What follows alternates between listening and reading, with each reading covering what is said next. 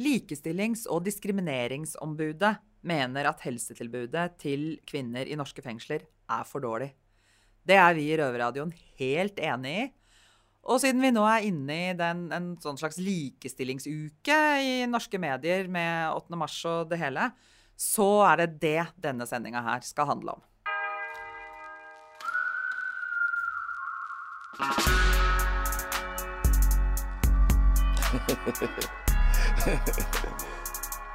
Ok. Du hører på Røverradioen. Norsk fengselsradio. Bli med inn. I dag så er vi på innsiden av Bredtvet fengsel.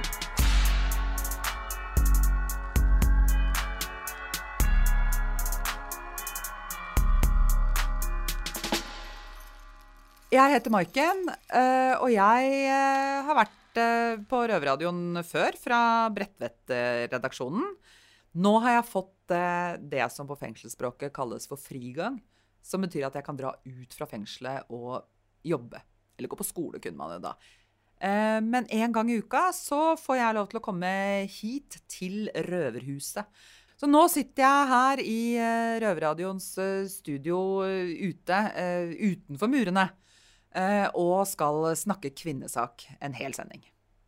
For i dag skal vi se nærmere på en rapport som eh, Likestillings- og diskrimineringsombudet Fra nå av så tror jeg jeg sier LDO har bestilt eh, om helsetilbudet for kvinnelige innsatte.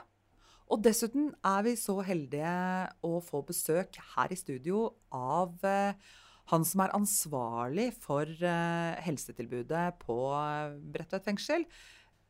Men aller først så skal jeg fortelle deg litt om mitt møte med helseavdelingen på Bredtvet.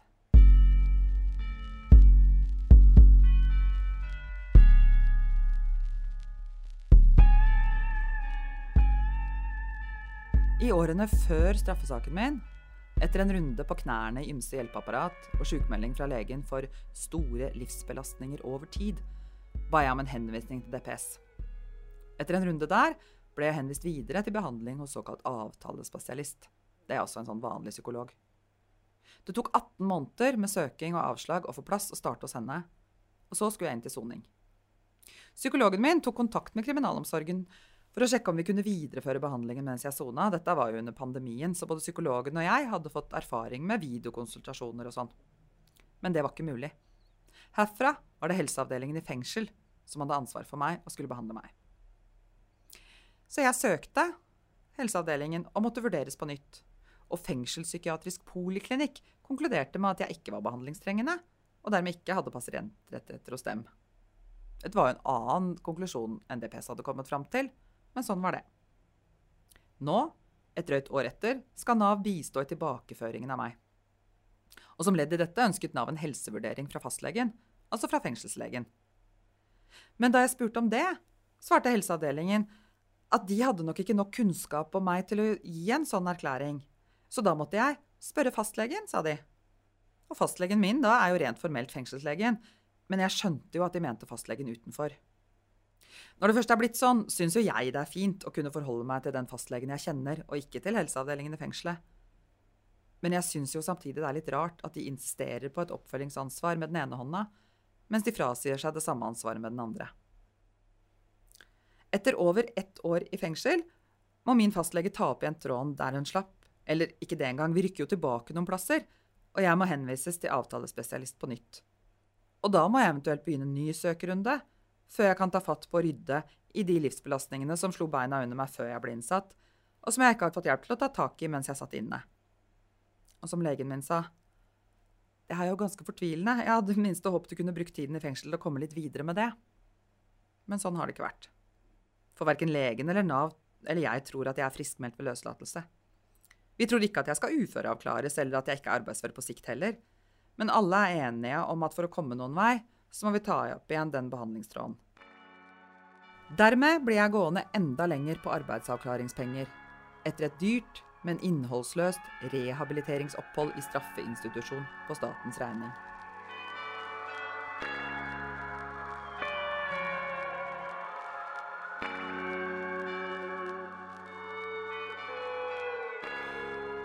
Og Likestillings- og diskrimineringsombudet bestilte en rapport fra Institutt for kriminologi og rettssosiologi som kom i fjor, i juli 2021.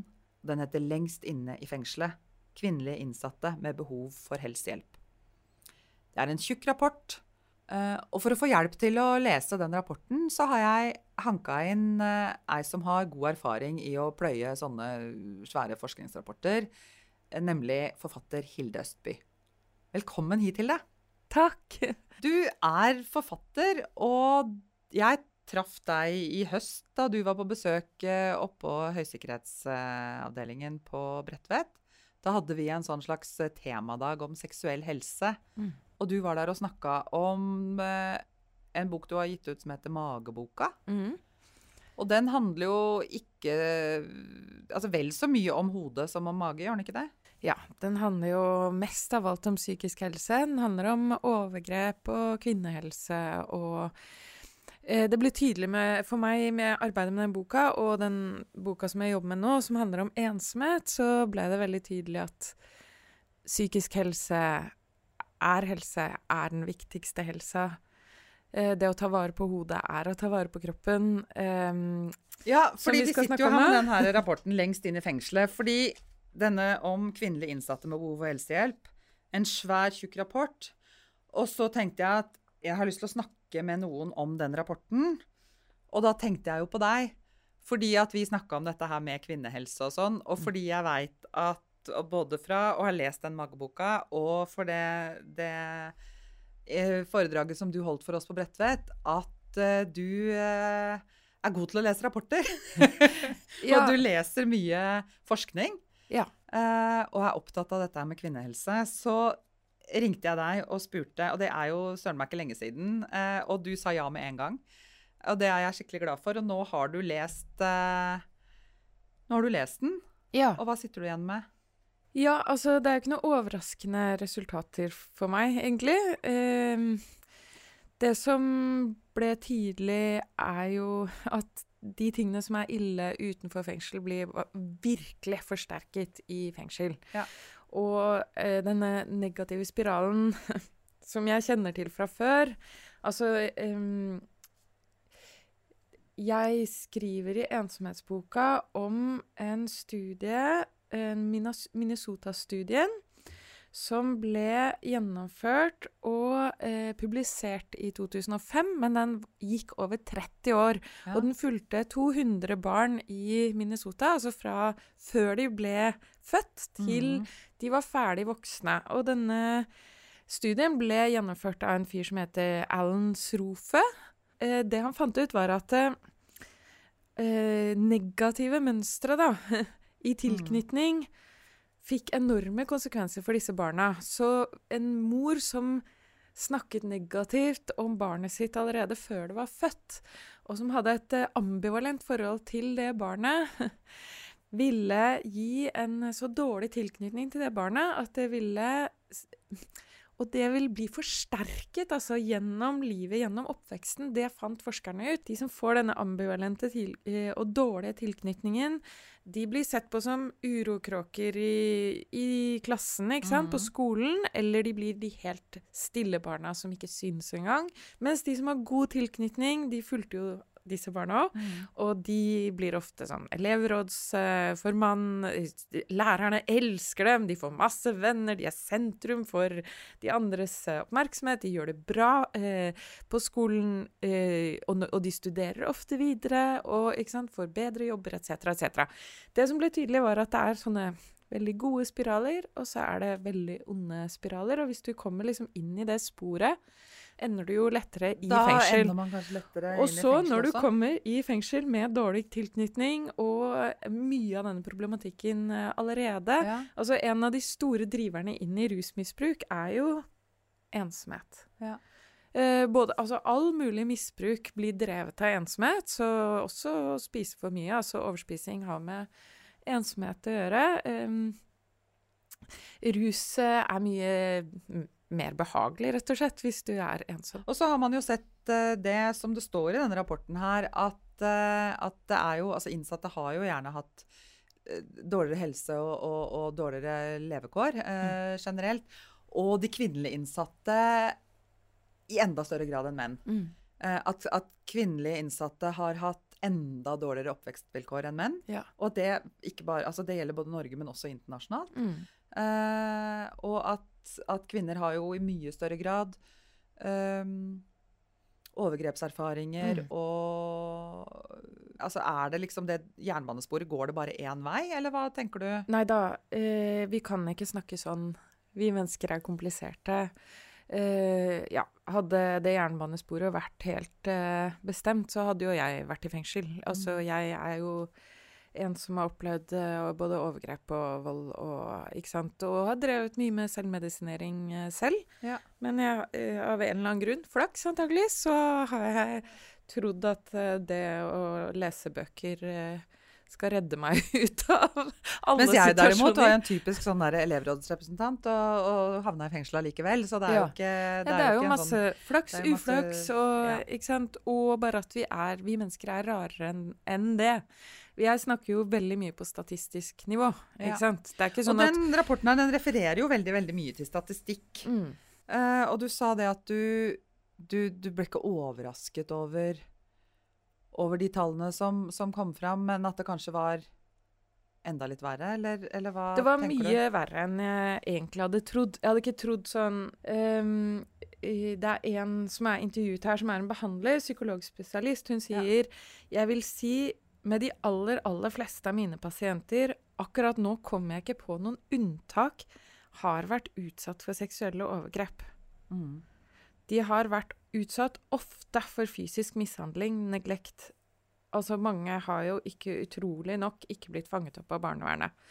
Og det her er sånn Jeg, jeg hadde ikke trodd at det var så ille. At det var Mhm. så høy em, forekomst av seksuelle overgrep i bakgrunnen til de som sitter inne av kvinner. Mm. Ja. Altså, det, var, det var litt sjokkerende at det var så ille. Jeg ville Ja. trodd sånn 50-60% Ja, men det er vel det Og som den er den totale ja. innsatspopulasjonen, Ja, altså blant kvinner. For det er jo en psykologspesialist, og det er jo de som faktisk har kommet seg gjennom det knøttlige nålhøyet og har Ja. kommet seg inn til helsehjelpen i fengsel. Ja.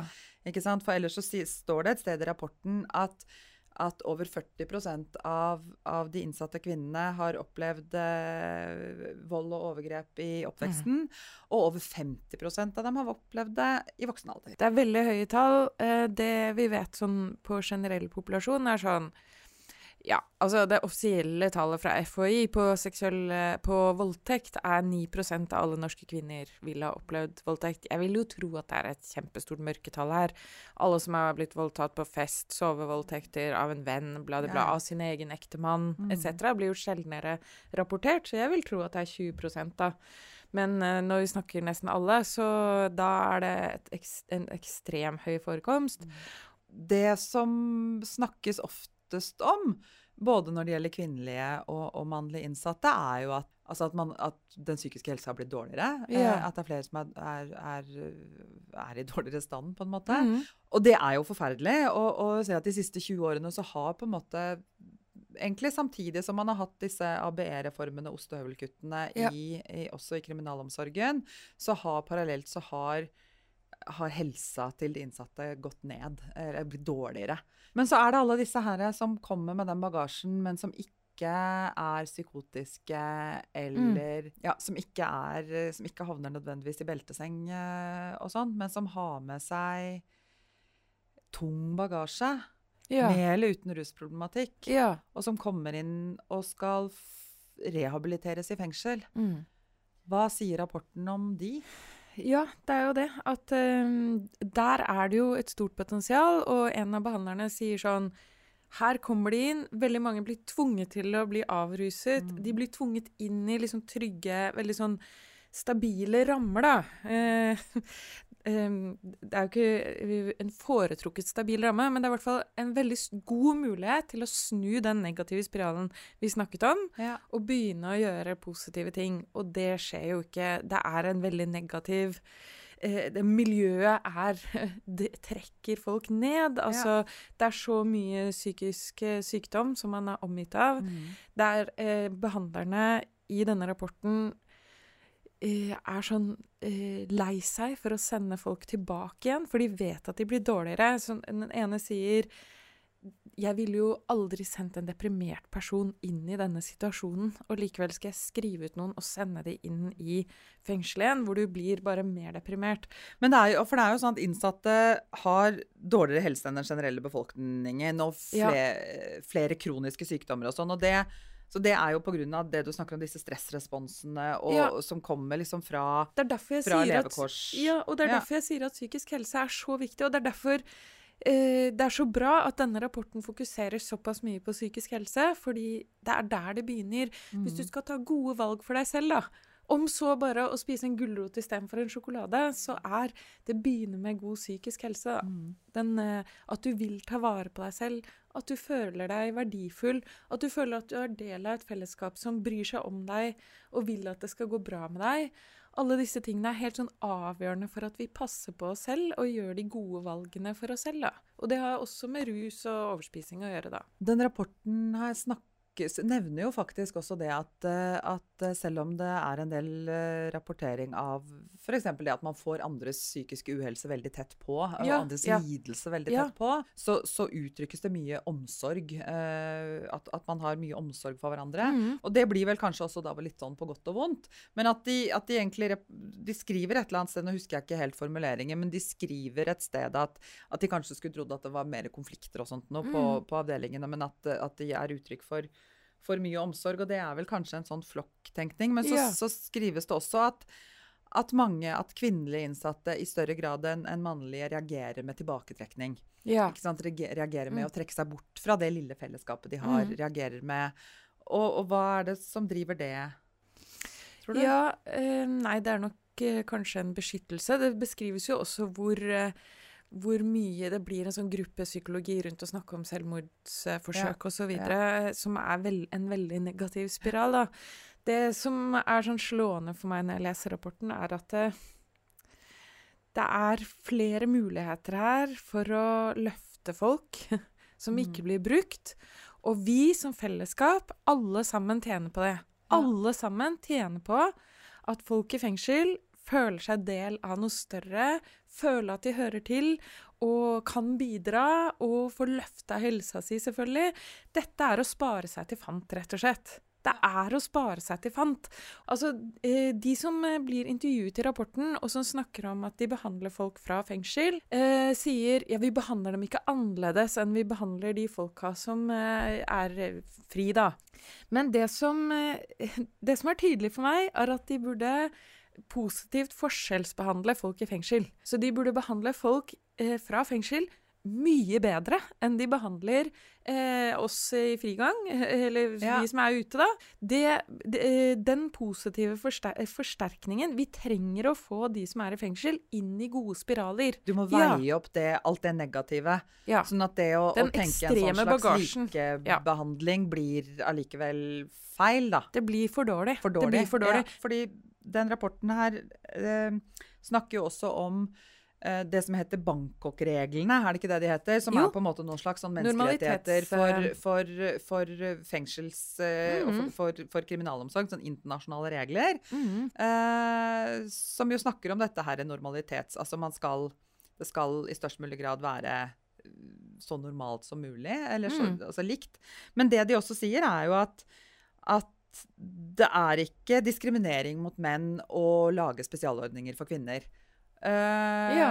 Det å behandle likt, likt, er ikke Det å behandle likt er ikke likt. Og det er også veldig tydelig i denne veldig bra rapporten, for de har tatt høyde for det. At uh, kvinner og kvinners uttrykk blir sett annerledes enn menns ja. uttrykk. Så når kvinner uttrykker sinne, f.eks., så er det tap av kontroll. Ja. Mens når menn uttrykker det, så er det sant, å ha kontroll. Uh, og vi nevnt, snakket her før om uh, seksual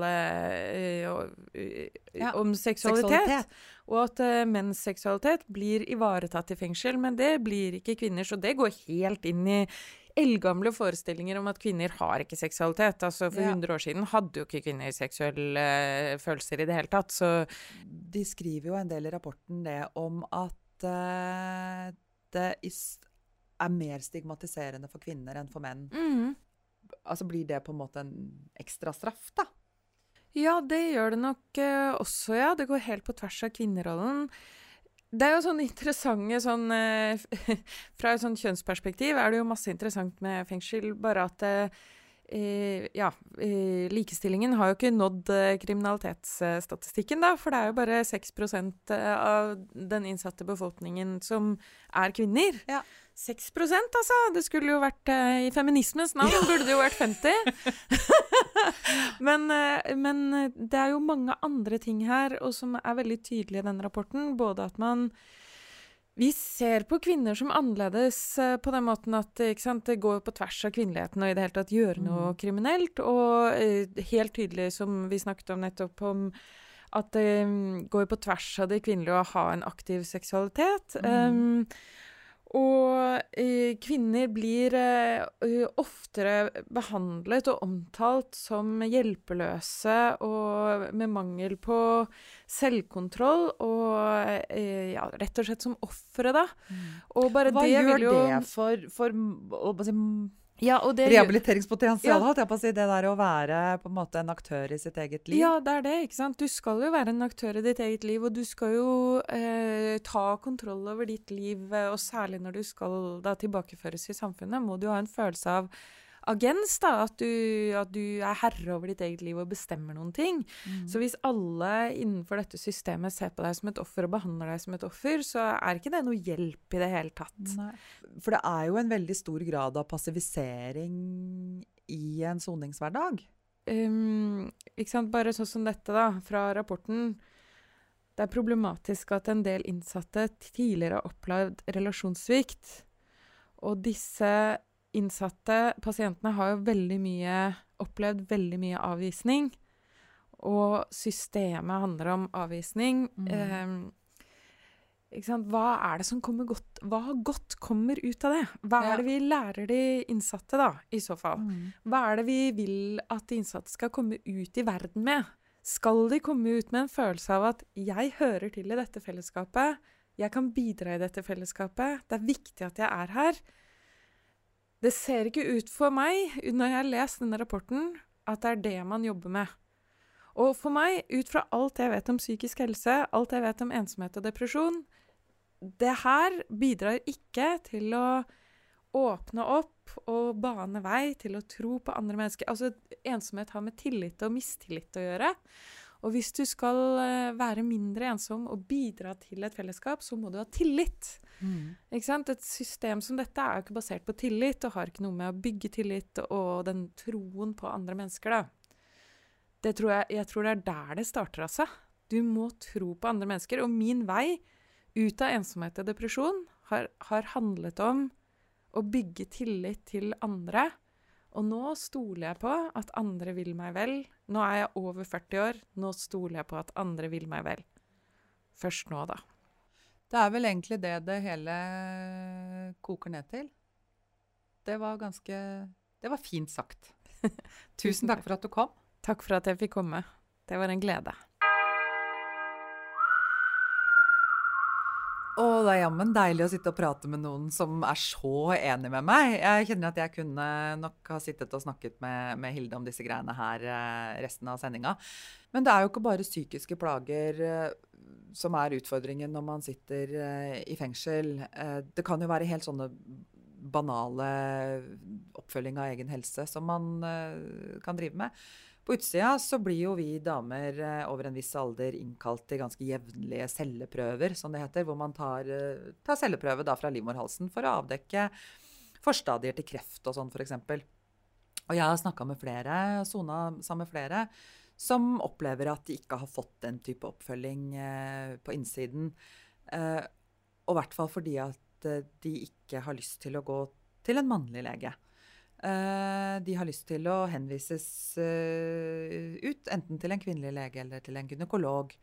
Eh, og mange sier at de har sendt flere henvendelser til helseavdelingen om dette på disse lappene som vi må bruke i fengselet, og, og opplever at de ikke får noe svar på det. Og, og når det har vært klaget på det fra innsatte til fengselsledelsen, så får man jo svaret at det er ikke kriminalomsorgens ansvar, det er bydelens ansvar. Så nå har jeg fått tak i eh, bydelen. Altså mannen som sitter og, og egentlig har ansvaret for eh, de helsetjenestene som leveres inn til Bredtvet fengsel.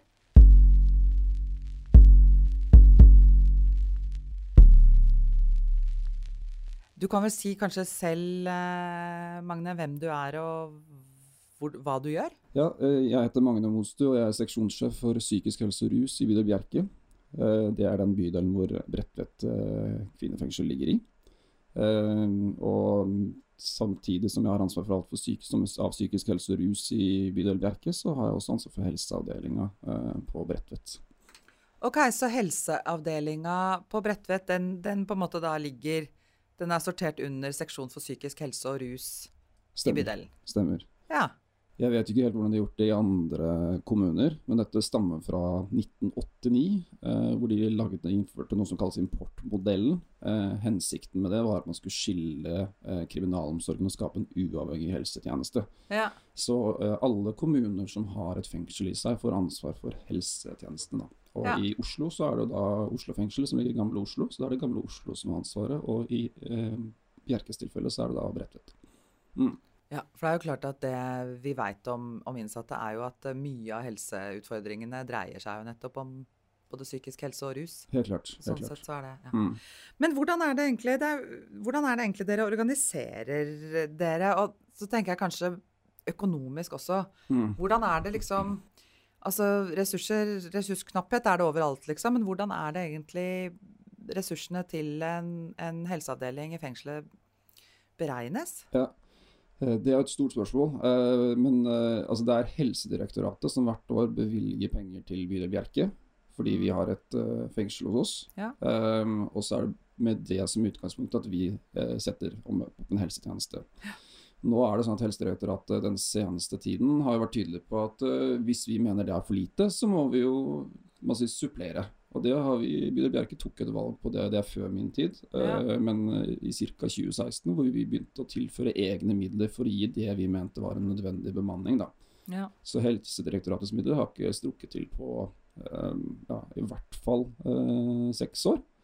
Så dere bruker på en måte av, egentlig av bydelens øvrige midler da, som til, til å, å ha det dere tenker er en forsvarlig helsetjeneste? Helt klart. Uh, og så er det slik at uh, heldigvis så har vi et uh, litt rausere byråd nå, som Mhm. tydeligvis har kommet på at de har noen fengsler i Oslo. Ja. At det ikke er noe nytt. Så fra og med i fjor så fikk vi et lite tilskudd, altså en stau eh, av 400 000 ekstra. Så da er vi sånn cirka, da har vi gått fra et minus til å være sånn cirka i null, da. Eh, Men vet du hvordan for, for hvordan er det det beregnes fra Ja. Helsedirektoratets side, liksom? Og, og hvordan beregner dere? Fordi at et, et vanlig fastlegekontor har jo veldig mange flere pasienter enn en det Mm. der. Men samtidig så, ja, så, så er det liksom at alt skal dekkes inne i den lille helsetjenesten der. ja. Hvordan regnes det? Nei, altså den, den, Det er to forskjellige ting, egentlig. da, Men det som Helsedirektoratet gjør, er at de vekter jo antall innsatte, og så vekter de type plasser. Og så kan ikke jeg se altså f.eks. andre penger som vi får i bydelen, så vekter man jo type problematikk. Altså det vi får over ramme, så er det sånn hvis vi har mye med rus, så vil bydelen få mer midler. Hvis det er mye av eh, sant, eh, PU eller lignende, så vil man få mer midler. Men jeg kan ikke se at de gjør noe sånn at de skylder på den måten. Men de skylder forvaringsplasser vekter som to. Jaha. Eh, Høysikkerhet, lavsikkerhet vekter som én. Og så sånn gjennomgangsboliger er en halv. Ok. Og så på en måte lager de et eller annet regnestykke som jeg ikke helt forstår, og så får vi en eh, sum, da. Eh, så det endra de på for eh, to år siden, og det slo ut litt heldigere for oss. Og det kan ha slått ut mer uheldig for andre, det, det vet ikke jeg. For da lurer jeg på nettopp det om det tas høyde for at innsattpopulasjonen statistisk sett har dårligere helse, liksom. Men det regner jeg med at det, det ligger, ligger på et eller annet vis inni de regnestykkene, da, Ja. som ikke egentlig dere har så mye innsyn i. Eh, Riktig. Altså det ligger i den satsen, da, for å si det Ja. sånn. Men man skiller jo ikke eh, om en eh, f.eks. en høy sikkerhet eller lav sikkerhet eh, har en viss type eh, problematikk. da. Det kan jeg ikke se at de gjør et skylde på, men da må eventuelt Helsedirektoratet si at nei, der har du misforstått motstø, det, det skjer en forskjell, men jeg kan ikke se det på eh, det Nei. vi får tildelt. da. Nei. Men hvordan er det med de altså forvaringsdømte som vektes for to? Mm. Legger dere opp til en sånn spesiell oppfølging av de som er forvaringsdømte og sånn, eller, eller kommer det litt an på hvordan, hva som kommer opp, på en måte? Altså det er jo, det er jo kan du si, det behovene de har som er styrende. Mm. Eh, Så det er jo mer det at det at vi har forvaringsdømte på Bredtvet, gjør at vi får noen vekta som to, og derfor så får vi litt mer penger. Ja. Eh, men det er ikke noe sånn, det vil jo være individuelt hva de, hva de får. Ja, det er det jo. Mm. Mm. Ja. Og nå vet du jo at nå har man et ressursteam der også som vi samarbeider med, som skal ta litt mer vare på den, den gruppa. Ja, og Mm. hvordan er samarbeidet? Fordi når vi snakka sammen litt i forkant av dette her, så, så kom det jo også fram noe som jeg tenkte at det burde jeg jo skjønt, men som jeg bare aldri helt hadde kobla. Mm. og det er jo også litt sånn Altså mye av, av problematikken i helse handler jo om, om psykisk helse. Mm. Ikke sant? Og tilbudet om psykisk helse. Og jeg tenkte jo også da at ja, ja, du kommer jo fra seksjon for psykisk helse og rus, ikke sant. Og så plutselig bare sånn Nei, men, men psykologtjenester og sånt, og det er jo spesialisthelsetjeneste. Helt riktig. Og Så det, kommer liksom fra et annet sted. Det er helt riktig. Det er Oslo universitetssykehus, eh, fengselspsykiatrisk poliklinikk, som tilbyr det. Og det er jo den splitten som vi har ellers i samfunnet. For den Ja. helsetjenesten her skal jo eh, representere hvordan det er ellers i Og det er det som, som er den derre normaliseringsprinsippet som man har snakket om. Så det ligger i bånn i alt dette her. Eh, Men greia er at på lik linje med at man går til fastlegen sin og får en henvisning til psykolog, så er det jo det som skjer i fengsel også. Mm. Men eh, kort oppsummert, altså er samarbeidet er godt. Eh, Det er, de har regelmessige møter eh, om eh, saker for å sørge for at det er en mer sømløs eh, tjeneste enn det man kanskje får til ute, på samme måte som vi holder på ute. da. Men det er avhengig av samtykke osv. selvfølgelig, Ja. før de kan snakke sammen fritt. da. Mm. Eh, men eh, altså her har jeg lyst til å skyte inn, selv om du ikke spør om det, er jo det at uh, vi ser jo litt den samme problematikken ute. Altså Hvis man viser til uh, Kramer-rapporter osv. om kvinner altså om helse i fengselet, så ser man at den type problematikk som prioriteres i psykiatrien, det er jo psykose, schizofreni, bipolar 1. Ja. Og så vil alt som på en måte ikke detter i den boksen, det håndterer jeg i kommunehelsetjenesten. Det er det mine folk ute som håndterer. Ja. Eh, og på lik linje blir det egentlig litt sånn eh, for helseavdelinga på, på Bredtvet også, da. ikke sant? Mm. At alt av type personlighetsforstyrrelser, ferdigbehandla ADHD etc. Det på en måte skal vi i rommet. Ja. Eh, og der er det helt klart at eh, det er noen utfordringer med å få til det godt i et fengsel. Eh, vi kan jo, Jeg sier ikke at det er sånn ute at hvis fastlegen sier sånn, så hopper alle og alt ruller av seg sjøl, men det er Nei, helt det er klart det at dere er jo underlagt en helt annen ramme, og det er kriminalomsorgen som har ansvaret for den ramma. Ja. Så vi kan jo oppleve at eh, vi ikke alltid er helt enige der, fordi vi mener at noe er helsefremmende som eh, de da mener ikke er gjennomførbart. Da, ikke ja, for da kommer det i konflikt med, med sikkerhets, Mm. eh, sikkerhetshensyn og straffegjennomføringsloven og sånn. Helt riktig. Ja.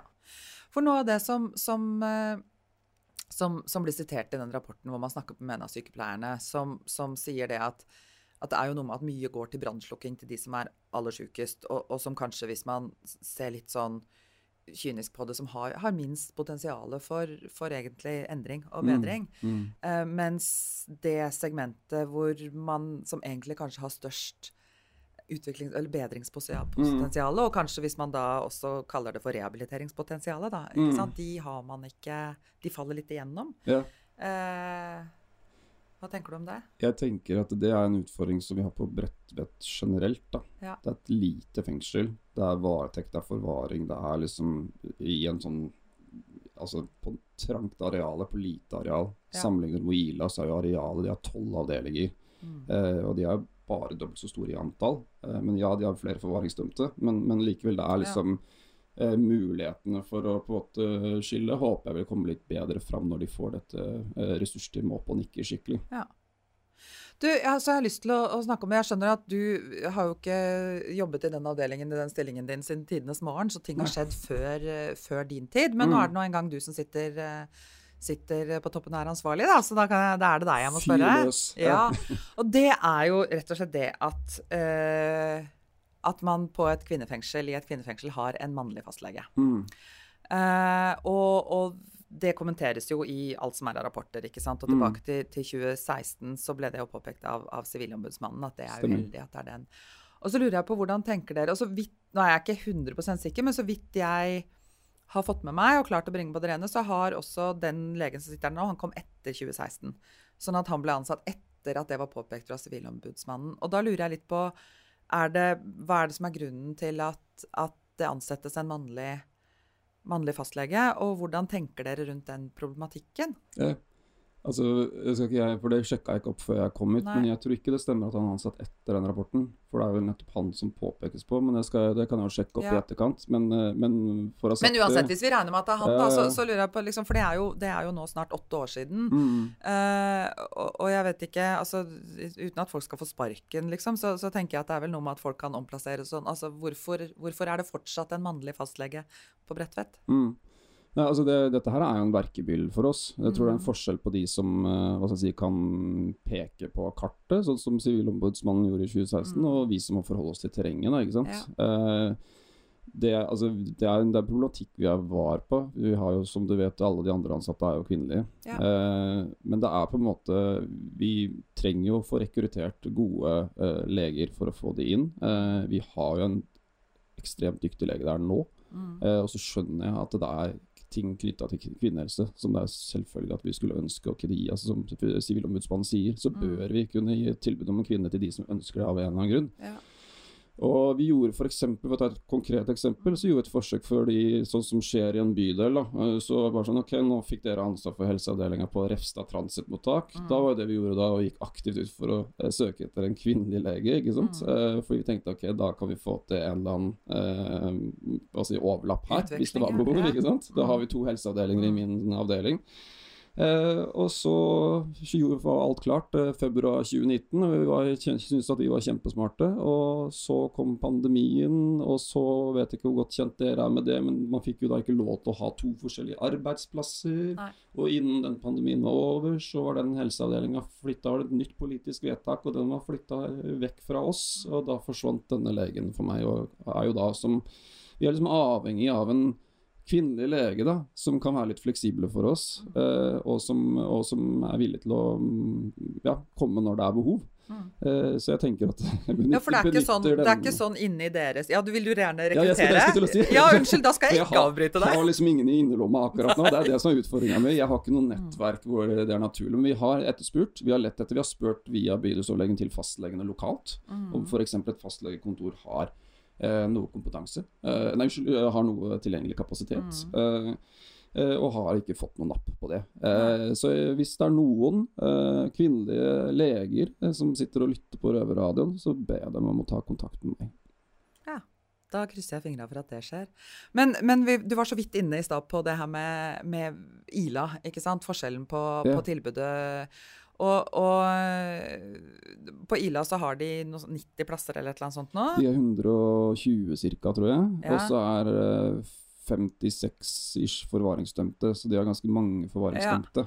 Og på Bredtvet så er det vel 45 på høysikkerhet, og så er det 19 på lavsikkerhet. Riktig. riktig. Ja. Så det er jo ja, ca. dobbelt så stort, da. Det er det. Men det du sa der, at, at hvordan opplever du at tilbudet er der? Nei, Jeg opplever at det er en helt annen, altså det en helt annen form for tilbud. Det er mer konsentrert, og man skiller jo ikke minst av de som er forvaringsdømte, som kanskje trenger en viss uh, annen type oppfølging enn uh, de som er høy sikkerhet eller lavsikkerhet, sikkerhet, mm. uh, fra hverandre.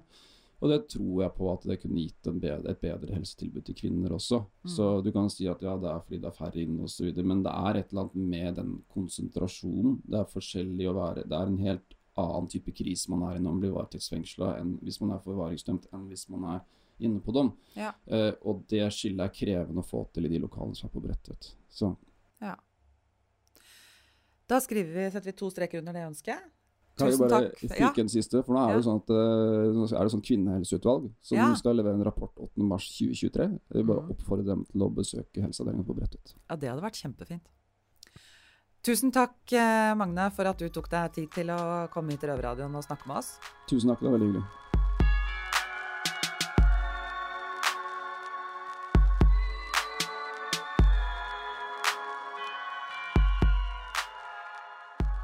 Selv om det ikke nødvendigvis er noen utsikt til veldig snarlig løsning, så ble jeg i hvert fall glad for, de, for å høre at de er oppmerksomme på den utfordringen med, med mannlig lege, og at de faktisk har, har, har gjort og fortsetter å gjøre ting for å prøve å få på plass en, ja, et bedre tilbud, da, eh, og i form av tilgang til en kvinnelig lege på Bredtvet. Så det krysser jeg veldig fingra for. Ellers så har jeg veldig følelsen av at eh, det ikke er siste gang vi lager sending om disse greiene her og med disse folka her eh, fra Røverradioen. Men akkurat denne sendinga er over.